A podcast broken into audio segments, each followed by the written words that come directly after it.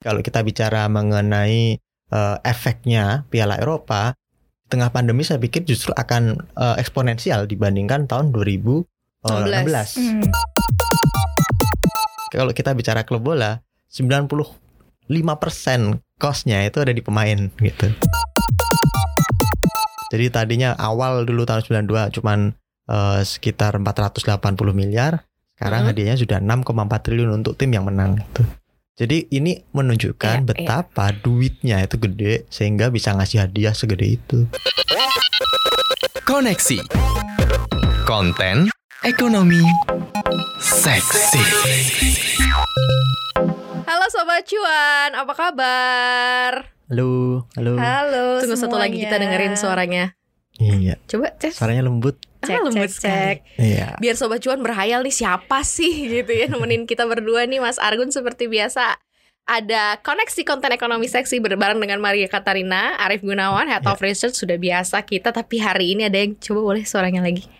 Hai Sobat Cuan, kali ini seng dengan Ellen. Ellen Gracia, anchor CNBC Indonesia. Hai El. Hai Maria, hai Argun. Akhirnya pengen podcast juga. Diseret nih. Dipaksa nih mau gak mau ya. Tapi ini membuat Mas Argun menjadi senang sih ya. Ada yang kayak gini-gini ya. Oke boleh sapa Mandarin katanya? Tacha hao. Waduh. Nih hao Maria, nih hao Mas Argun Ni hao. Jawabnya gimana? Iyalah ni hao. Ni hao juga. Mas Argun udah jawab. Ah ni hao. Itu artinya apa? Apa kabar ya? Apa kabar? Pastinya Ini. sehat selalu dong ya. Sehat, sehat. Yang sering nonton CNBC Indonesia pasti kenal Ellen lah ya Pasti iya. udah sering lihat juga Warawiri Atau di browsing aja mungkin Instagramnya juga Ellen Gracia Boleh silakan Iya Maria apalagi nih Jangan dibandingin deh Ah enggak lah Ini hari ini kita seru banget Soalnya kita mau ngomongin soal uh, Pagelaran Piala Eropa Kalau gitu sih mukanya mas? Kayaknya lu stres banget deh. Ini kayak Kenapa, konten paling Ada stress. yang kemungkinan gak lolos ya mas ya? Bukan ini nih dia kayak menghadapi biasanya ya. Kalau misalnya ada tema-tema apa pun tuh dilahap. Ini pas dikasih Kita ngomongin Euro yuk mas. Ini kayak begini aja gitu Mukanya mesem gitu. Bingung gue. Kenapa sih lu stres banget kayak konten ini mas Ya karena memang personally nggak begitu menikmati bola, tetapi nonton juga kalau Piala Dunia, kalau ada Indonesia terutama main Piala Asia, oke okay lah. Tapi kalau apakah uh, football gig, kayaknya kok enggak gitu. Enggak terlalu gig banget gitu ya. Tapi kalau kita bicara ekonominya juga oke-oke aja sih. Oke oke. Ya, yang penting cuan ya. Tapi kalau lo nonton nggak El? Penikmat. Personally dulu sebelum covid ya enak mm -hmm. banget euforianya kan sama teman-teman bisa nobar mm -hmm. udah semifinal mm -hmm. sama final tuh yang kayak kalau tim kita yang kita pegang yang kita lagi pengen banget menang tuh pas ngegol tuh wah excitementnya sampai peluk-pelukan ya gak sih? Oh ikut nobar-nobar juga gitu Iya nobar-nobar gitu kan Maksudnya seru-seruan aja Tapi sekarang mungkin karena covid ya jadinya nontonnya di rumah aja hmm. terus mungkin hmm. kayak jadi by WhatsApp aja sama temen ya gak sih jadi ramenya di sosmed bukan oh, iya, iya, iya, di iya. tempatnya langsung kan kalau sekarang jagoin siapa dong berarti tadinya sih uh, berharap kayak dulu Rusia itu kan pernah sempet uh, Rusia jadi Rusia pas ya, Agun yang Rusia apa dia. istilahnya itu tapi nggak lolos kayaknya 16 unggul, besar tapi sekarang kemarin udah kalah mm, gitu mm, mm. jadi kayaknya ah udahlah udahlah ya kalau di Piala Dunia kan Rusia sempat jadi yeah. tim uh, uh, yang difavoritkan gitu kan mm -hmm. tapi sekarang ya kalah dia jadi ya ya hanya memantau dari kejauhan saja lah. Kalau Ellen Oh, Prancis sih kayaknya. Yeah. Karena kan Prancis. udah menang World Cup juga ya kemarin terus banyak uh, daun muda kalau oh. kita bisa bilang kayak Mbappe, terus kayak apa yang PSG PSG pemain-pemain PSG kan juga banyak yang di Prancis kan. Tapi Uh, selain itu ada Belgium juga sih yang gak kalah dari Lukaku sama De Bruyne hmm. juga tuh oke okay banget. gue penikmat aja. Karena kalau nonton bola kan cakep aja gitu mas ya semuanya ya ganteng ya. Nonton bolanya penonton yang main. Yang gitu. main. Iya. Karena gue iya. juga esen, secara esensial ya udah siapa pun gue mah ikut aja euforianya. Nah tapi masalah euforianya masih ada gak nih sampai tahun 2021 Karena ini mundur kan iya. 2020 harusnya karena pandemi akhirnya digeser ke 2021 dan sekarang melibatkan 11 uh, negara ya. 11 negara. Penyelenggaraan. Tapi namanya tetap Euro 2020 ya? Iya, namanya tetap Euro namanya. 2020. Menurut lo nih ya, uh, maksudnya dalam kondisi pandemi ini cukup bisa menjadi salah satu motor pendongkrak ekonomi gak sih khususnya mungkin untuk penyelenggara karena kan kalau catatannya kita nih uh, rata-rata memang pendapatan lumayan gede-gede. Terakhir aja di 2016 tuh bisa sampai 1,92 miliar euro. Iya, terus yang ngebedain juga kan khusus nih 11 negara. Negara, benar, benar. Biasanya kan dua Biasanya. negara ya paling banyak ya jadi host country gitu, Mas Argun. Ya ini berarti kurang lebih kondisinya mirip tahun 2012 Piala Eropa eh, sebelumnya ya, Mhm. 2012. Ini Polandia ya. Eh, itu kan waktu itu juga eh, Eropa lagi menghadapi krisis mini krisis Mhm, lah mhm. Ekonominya agak eh, tersendat dan kemudian ketika ada ajang ini eh, ini diharapkan menjadi pendongkrak perekonomian mereka dan ternyata Mhm, juga eh, lumayan efektif gitu. Eh, dari sisi pendapatan misalnya pada tahun 2012 tuh kan eh, 1,6 miliar itu Ya. pendapatannya dolar. Jadi gede banget. Dan itu meningkat berkali lipat dibandingkan sebelumnya dan kalau kita bicara audiensnya 150 juta. Jadi memang bola ini menjadi satu katarsis baru penggerak perekonomian Mhm, gitu. mhm. Kalau kita bicara industri atau bisnis ya dia termasuk sport atau show bisnis gitu. Jadi kan Oke. kalau sport bisnis ya pecinta eh, bola akan nonton. Sementara show bisnis ya pencinta pemain bola seperti Maria akan nonton gitu. Melihat. Ronaldo dan kawan-kawan yang ganteng-ganteng ya. ya kan. nah, ah, bagaimanapun juga the, the business is there dan ini be- besar sekali memang kalau nilainya ya kita lihat kalau Piala Dunia yang terbesar itu dari sisi pangsa pasar eh, Piala Eropa itu yang terbesar kedua setelah Piala Dunia gitu. Mantesan ngefek ya kemarin Ronaldo geser-geser botol minuman Coca-Cola aja jadi Jangan lupa ada ikut-ikutan tuh Pogba tuh. Iya, iya. Geser-geser. minuman alkohol Oh, iya, gitu. heeh. iya, tapi ada yang kemudian eh, sekalian minumannya dimasukin ke tempat dia gitu. Oh iya, Sini Coca-Cola im- eh, ke iklan gue saya. aja gitu ya kan nggak mau karena karena kalau Ronaldo kan langsung menolak Coca-Cola. Tapi kalau dilihat dari negara-negara penyelenggara nih, yang saat ini ada Belanda, ada Denmark, Hungaria, Inggris, Italia, Mhm. terus ada eh Azerbaijan, ini bacanya gimana sih? Azerbaijan. Azerbaijan, Sama ada Jerman, Italy juga. ada Italia juga, ada Rusia, Skotlandia, Spanyol. Nah, secara keseluruhan sebenarnya mereka ini di dalam kondisi perekonomian seperti apa sih sekarang? Karena kan katanya kemarin PMI-nya Eropa sebenarnya udah mulai membaik nih di Ya. Maret kemarin kan. Mm-mm. Kalau Eropa ini eh, kondisinya berbeda dari Amerika gitu. Kalau Amerika kan sekarang ada kekhawatiran inflasinya meledak terlalu tinggi 3,4 persenan perkiraan Fed pada akhir tahun ini Ya. dan kemarin eh, Mei itu 5 persen inflasi. Nah inflasi tinggi ini memicu kekhawatiran nanti suku bunga diperketat kebijakan moneter ketat eh, apa namanya dipercepat gitu. Mhm. Dan di Eropa kemarin Christine Lagarde eh, direktur ECB-nya sana kayak Jerome Powell-nya di Amerika The Fed Nah, Christine Lagarde bilang bahwa kondisi di Eropa ini berbeda dari di Amerika. Jadi kita tidak menghadapi lonjakan inflasi yang signifikan. Jadi Nggak kayak di menurut dia, Amerika gitu ya. eh, pen- pertumbuhan ekonomi yang terjadi lebih bersifat eh, gradual, fundamental, Mhm, mhm. berbeda dari Amerika yang pertumbuhannya lebih banyak didongkrak stimulus Hmm. zaman eh, dari si siapa Trump, kemudian Biden kan stimulusnya banyak dan itu yang diperkirakan bikin inflasi naik gila-gilaan meskipun sifatnya sesaat. Eropa berbeda, jadi sepertinya kondisi ekonomi sekarang mereka lebih baik tetap dibandingkan Amerika Hmm. eh, prospeknya. Tetapi kalau kita bicara mengenai eh, efeknya Piala Eropa di tengah pandemi saya pikir justru akan eh, eksponensial dibandingkan tahun 2016. Hmm. Ya Oh kan? gitu. Karena pada saat itu kan orang itu eh, sulit untuk beraktivitas. Mm-mm. Eh, eh, saat itu kan biasa beraktivitas. Jadi ya biasa-biasa aja. Mm-mm. Tetapi sekarang pandemi bikin orang sulit mencari hiburan. Dan ketika sekarang Eh, hiburan, hiburan. diadakan, ya Iya, makanya kemudian rame. Main stadion sempat apa deh itu 60 ribu atau berapa tuh yang penontonnya? Iya iya iya. Eh, iya, rame iya. banget Kroasia. Beberapa itu. juga udah banyak yang selebrasi ya kayak di Nggak pakai masker oh, ya. oh, Prancis Ya. terus di Mm-mm. England juga sudah boleh Mm-mm. gitu. Dan ini saya pikir akan menciptakan gelombang eh, apa namanya kenaikan eh, viewer eh, yang semula ter- ter- tersendat atau tertunda semasa selama pandemi. Pandemi orang dilarang ke mana-mana, sekarang ada tontonan dan sekarang udah diperlonggar. Mhm. Ya saya pikir nanti audiensnya akan meningkat. Kalau tahun lalu 2000 eh, berapa tuh dua, terakhir 2016 itu kan audiensnya katanya itu sekitar 200 eh, sekitar 250 jutaan orang gitu yang Iya. nonton. Nah ini nanti perkiraan ya kemungkinan bisa dua kali lipat dari itu. Apalagi ditambah audiens Di, TV. di tahun ini, Ya, di tahun ini Orang udah pada males di rumah aja kali ya. Nggak ada pesta bola. nekat gitu ya. Eh, ya. nekat ke sana gitu. Tapi sebenarnya kan secara perhitungan ini aja nih, eh, kan kalau misalnya mau bepergian terus datang ke satu negara kan dia harus keluarin ongkos buat karantina juga gak sih? Mm-mm. Sebenarnya Itu pemasukan 11 juga oh, kan? Iya, 11 country kan ini. Mungkin Mm-mm. kalau buat yang fans bola banget mungkin bisa road trip juga kan karena kan Eropa kan satu Iya, jalur kan satu bisa jalur. dilewatin semua ya Mas Argun. Uh, dan mereka sekarang kan memang sudah mengizinkan uh, turis dari negara yang sudah me- apa namanya mengikuti vaksinasi dari klub mereka Oh. Pfizer, AstraZeneca dan kawan-kawan Oke gitu. oke oke. Jadi oke. kalau itu udah divaksin ya bisa masuk gitu ke. Jadi misalnya tadi dari Prancis mau ke Jerman mau ke Austria itu Mm-mm. lebih mudah gitu. Kalau sudah divaksinasi gitu. Dan saya pikir yang terjadi sekarang eh, Piala Eropa ini akan jadi ya sa- salah satu berkah itu blessing in Mhm. disguise ketika dijalankan di kala pandemi ini. Dan ya ini efeknya juga gede. Gak cuma mereka juga Indonesia kan juga kebagian hype-nya. Kita memang nggak ke sana, nggak Iya. terbang kejauhan, tapi eh, ya ketika ada pertandingan orang akhirnya ada bola nih ya Mhm. nonton Piala Eropa apalagi pemain-pemainnya ya tadi itu eh, Ronaldo dan kawan-kawan yang eh, selama ini kita lihat di eh, Premier League misalnya Ya iya ya. Hmm.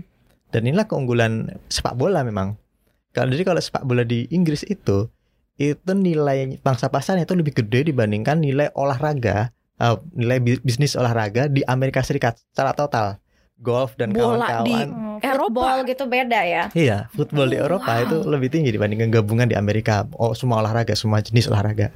Ya, karena memang eh, ini olahraga yang paling populer di dunia. Mm-mm. Ini mungkin yang lagi di copy oleh para youtuber ya, yang sekarang lagi beli-beli klub di Indonesia. Karena pengen jadiin mungkin Indonesia jadi aja artis juga. Iya, maksudnya kan dulu kan kita tau apa Pak Erick Thohir. Kalau Pak Erick Iya. Thohir kan belinya kan yang eh, apa namanya klub luar. Terus sekarang ada banyak banget soalnya klub-klub lokal yang iya, dibeli. yang dibeli sama YouTuber. Mm-mm. mungkinkah gitu maksudnya mungkinkah Indonesia akhirnya nanti apa punya juga sosok-sosok apa namanya klub bola yang oke karena pembiayaannya kan udah pasti jauh lebih royal lah mungkin. Ya, ya. Eh, mungkin. Just intermezzo ya mas. Iya, Sekarang bener. mau Kalau berpikir ngeliat China ya, klub-klub China di sana, klub-klub lokal sana juga berani beli-beli pemain luar. Nah, Iya bener ya. kan? Heeh. Heeh. Mereka berani keluarin uang untuk eh, benar-benar nge-push klub lokalnya sendiri tuh berjaya gitu. Hmm. Jadi Iya. ya, Mhm, mhm. Nah, itu salah satu- chances juga. salah satu kunci yang bikin sepak bola, terutama Piala Eropa itu sangat-sangat ter- eh, terkenal di seluruh dunia. Karena semua orang jadi merasa relevan untuk nonton. Kenapa relevan? Hmm. Karena ada bintang dari Argentina, ada bintang dari semua ya, ya. negara yang top-top itu dijaring dimasukkan ke liga mereka gitu. Eh, kita bicara Liga Inggris misalnya kan nggak Hmm. cuma orang-orang Inggris tapi juga ada pemain-pemain dari- asing yang masuk Ya. di situ. Hmm. Apakah ini berarti wah orang-orang Inggris tidak nasionalis? Ya bukan, ini lebih Mm-mm. konkret soal bisnis gitu. Jadi ketika eh, Anda membawa muka-muka baru non Inggris, Mhm. orang I- Irlandia misalnya bahkan misalnya ada orang Indo- Indonesia yang main di sono, maka kita, Kita, akan- warga negara Indonesia pasti iya, kan akan kita tertarik untuk Iya, ingin tertarik lihat banget. kayak gitu. Iya, Dan kayak- ini menjadi ajang internasional Hmm, jadinya hmm. gitu nggak cuman ajang sepak bolanya orang Inggris kayak gitu loh. Oke. Jadi itu yang bikin eh, sepak bola terutama di Inggris sangat-sangat populer di seluruh dunia. Indonesia bisa mengikuti itu asalkan kita bisa memiliki regulasi yang kuat. Mhm, mhm. Nah, problemnya adalah kita di Indonesia ini kan kalau urusan duit, mohon maaf ini, itu gampang banget tengkar. baperan. Nggak ada Iya. temannya soalnya. Jadi mohon maaf nih PSSI kan Iya. sempat pecah. Iya. Kemudian ada ISL, ada IPL, kemudian ada lagi apa kemarin itu pecah-pecah lagi. Nah, kalau eh, liganya banyak, orang akhirnya jadi wah ini apa yang mau ditonton gitu dan Mm. apalagi kita belum memiliki bin- bintang-bintang impor yang bisa menarik eh, audiens Indonesia untuk nonton Hmm, gitu. Kalau ke Indonesia soalnya bintang impornya jadi artis. Lebih milih jadi artis mas. ya malah masuk ke ini ya ke program-program Bayaran Insert endorsannya Live dan kawan-kawan. kayak- Lagi-lagi ya PC yang penting cuan. Yang penting cuma bener. Ya itu kalau di Indonesia harusnya memang kita satukan dulu. Dulu Inggris juga pernah pecah loh. Pada eh, mereka itu dulu pernah ada kan pertama mereka bikin liga-liga itu yang rame banget Mm-mm. itu pada tahun eh, berapa nih?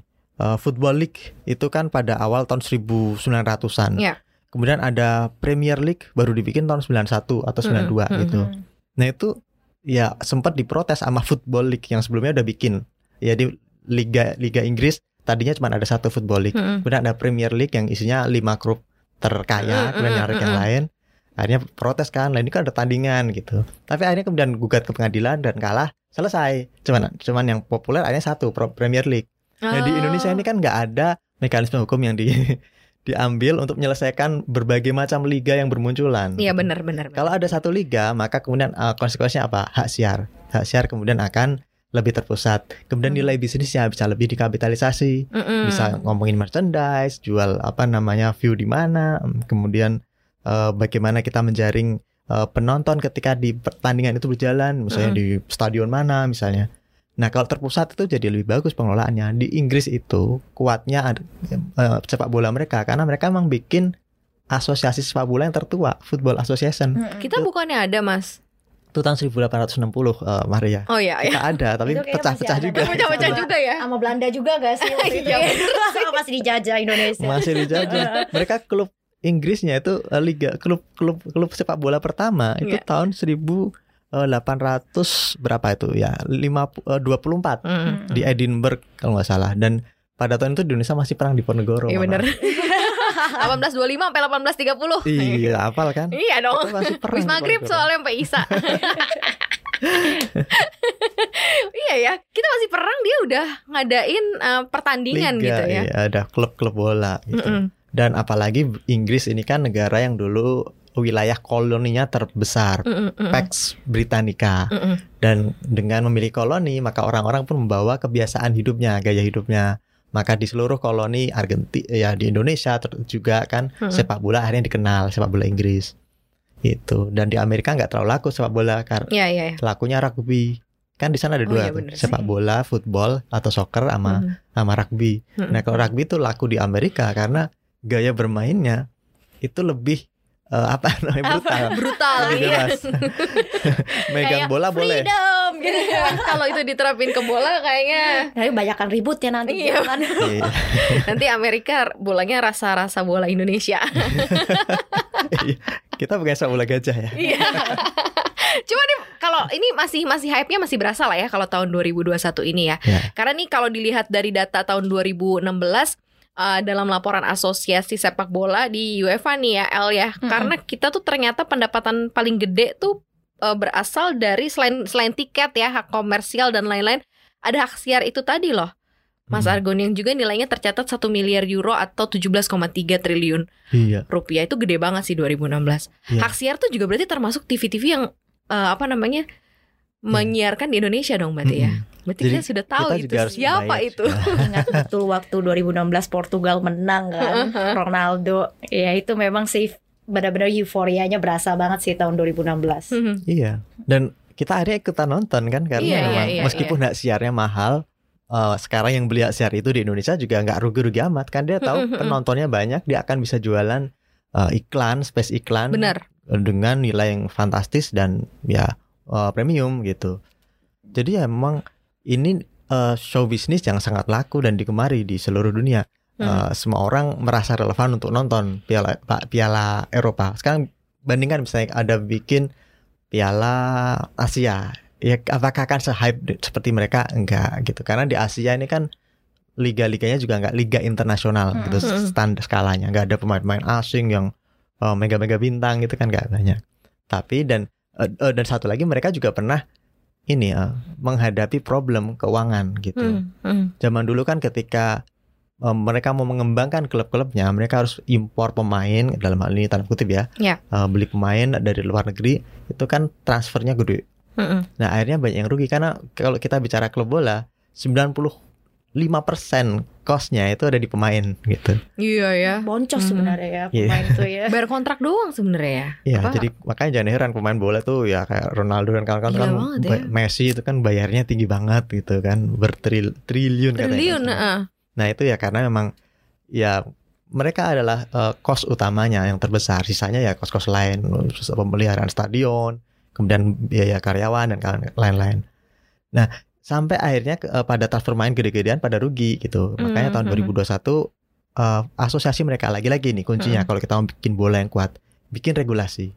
Mereka bikin regulasi satu Michael Platini pemain Italia dulu Mhm, sempat mhm, jadi pelatih dan jadi kepalanya apa itu U, U, European UEFA gitu mhm. bikin aturan namanya fair, uh, financial fair play regulation intinya uh, lo nggak boleh uh, beli pemain lebih gede dibandingkan pendapatan lo gitu. Financial fair Yeah. play. Oh, Iya. Oke. Jadi secara keuangan jangan sampai jor-joran zaman kayak dulu apa ya Abramovich kalau nggak salah tuh ya Mhm. dulu kan pernah tuh Oh, di Real Madrid dia. Iya, Ibrahim iya. Ibrahimovic ya. Iya. Mhm.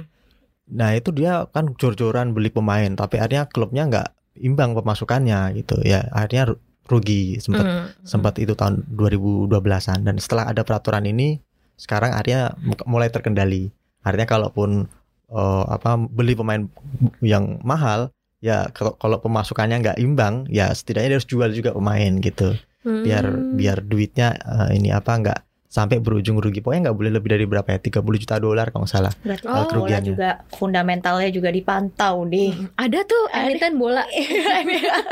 ya Man- Manchester. United kan bola eh, emiten ya Mhm. Mm-mm. Eh, dan Di Indonesia ada Bali United. Iya. Unitednya sama nggak apa-apa mas. Tapi ya ini bicara mengenai hak siar berarti kalau gitu eh, karena berasa banget ada beberapa mungkin sobat cuan juga ngerasain ah, kan ini hak siarnya kan di salah satu TV nih, Hmm. salah satu provider penyelenggara televisi ada yang mungkin eh, TV, pay TV-nya nggak ada nih TV ini. Hmm. Terus akhirnya bergeser lah dia eh, pindah gitu loh. Apa namanya menggunakan provider atau pay TV yang memang menyiarkan bola. Dan ini banyak banget mas. Geser ke situ demi mau nonton Euro. Hmm, gitu. Hmm. kan berarti bisa dihitung lah sobat cuan lah. Kalau ngerti lah nih itu hitungan cuan nih. Bakalan ke mana? Maria nih ngomongnya. Ya dan ya, kita nggak keberatan kalau ada iklan iklan iklan gitu kan. Karena ya, ya sudahlah sambil iklan jalan ya kita mungkin ambil minum dan sebagainya. Eh, artinya sangat gampang memaintain konsumen bola gitu. Dikasih Iya iklan ya. apa pun ya kita lebih masih relatif Iya. stay gitu. Karena ya ini udah orga, eh, apa namanya olahraga internasional bener gitu. sih. Iya, semua orang eh, meskipun ada yang nggak suka sama saya tapi tetap mantau tetap merasa relevan tetap ngerti kalau ada kejadian Ronaldo pindah botol misalnya saya juga ngerti gitu. Karena Mm, mm, mm, ya gampang mm, banget diviralkan dan ada yang relevansinya luas magnitudenya besar. Jadi eh, kalau kita bicara konsumen ya konsumennya sangat-sangat loyal dan banyak gitu di, Mhm. di seluruh dunia jadi ya saya pikir yang megang hak siar sekarang di Indonesia tadi itu dia tidak akan rugi biasanya sih nggak akan rugi sih biasanya tidak akan rugi ya Biasanya. karena Untung. iya sobat cuan masih tahu lah Dan- ke mana Iya. Dan memang broadcasting right itu itu pemasukan terbesarnya Mm-mm. UEFA itu Mm-mm. European Union Football Association. Eh, kalau data terakhir itu tahun 2019 nih sebelum eh, pandemi itu total revenue dari broadcasting right itu mencapai 3,3 gila miliar euro. euro iya Nah itu setara dengan la- 85,8% pendapatan mereka. Mm, Jadi emang mm. terbesar dari hak siar itu. Jadi sekarang kalau hak siarnya mahal misalnya kemudian Anda harus ke pay TV ya. Emang ini olahraga yang ya sekarang udah sangat komersil tapi Mm-mm, juga sangat mm-mm. populer gitu. Jadi ya saya pikir juga konsumen tidak akan keberatan gitu untuk bayar itu. Mereka akan ya masa harus nunggu diupload dulu di YouTube baru nonton. Iya, Iya, Kan nggak kelas banget kan ya. gitu. Curi lihat link-link yang Nggak mungkin nobar gitu YouTube ya. gitu.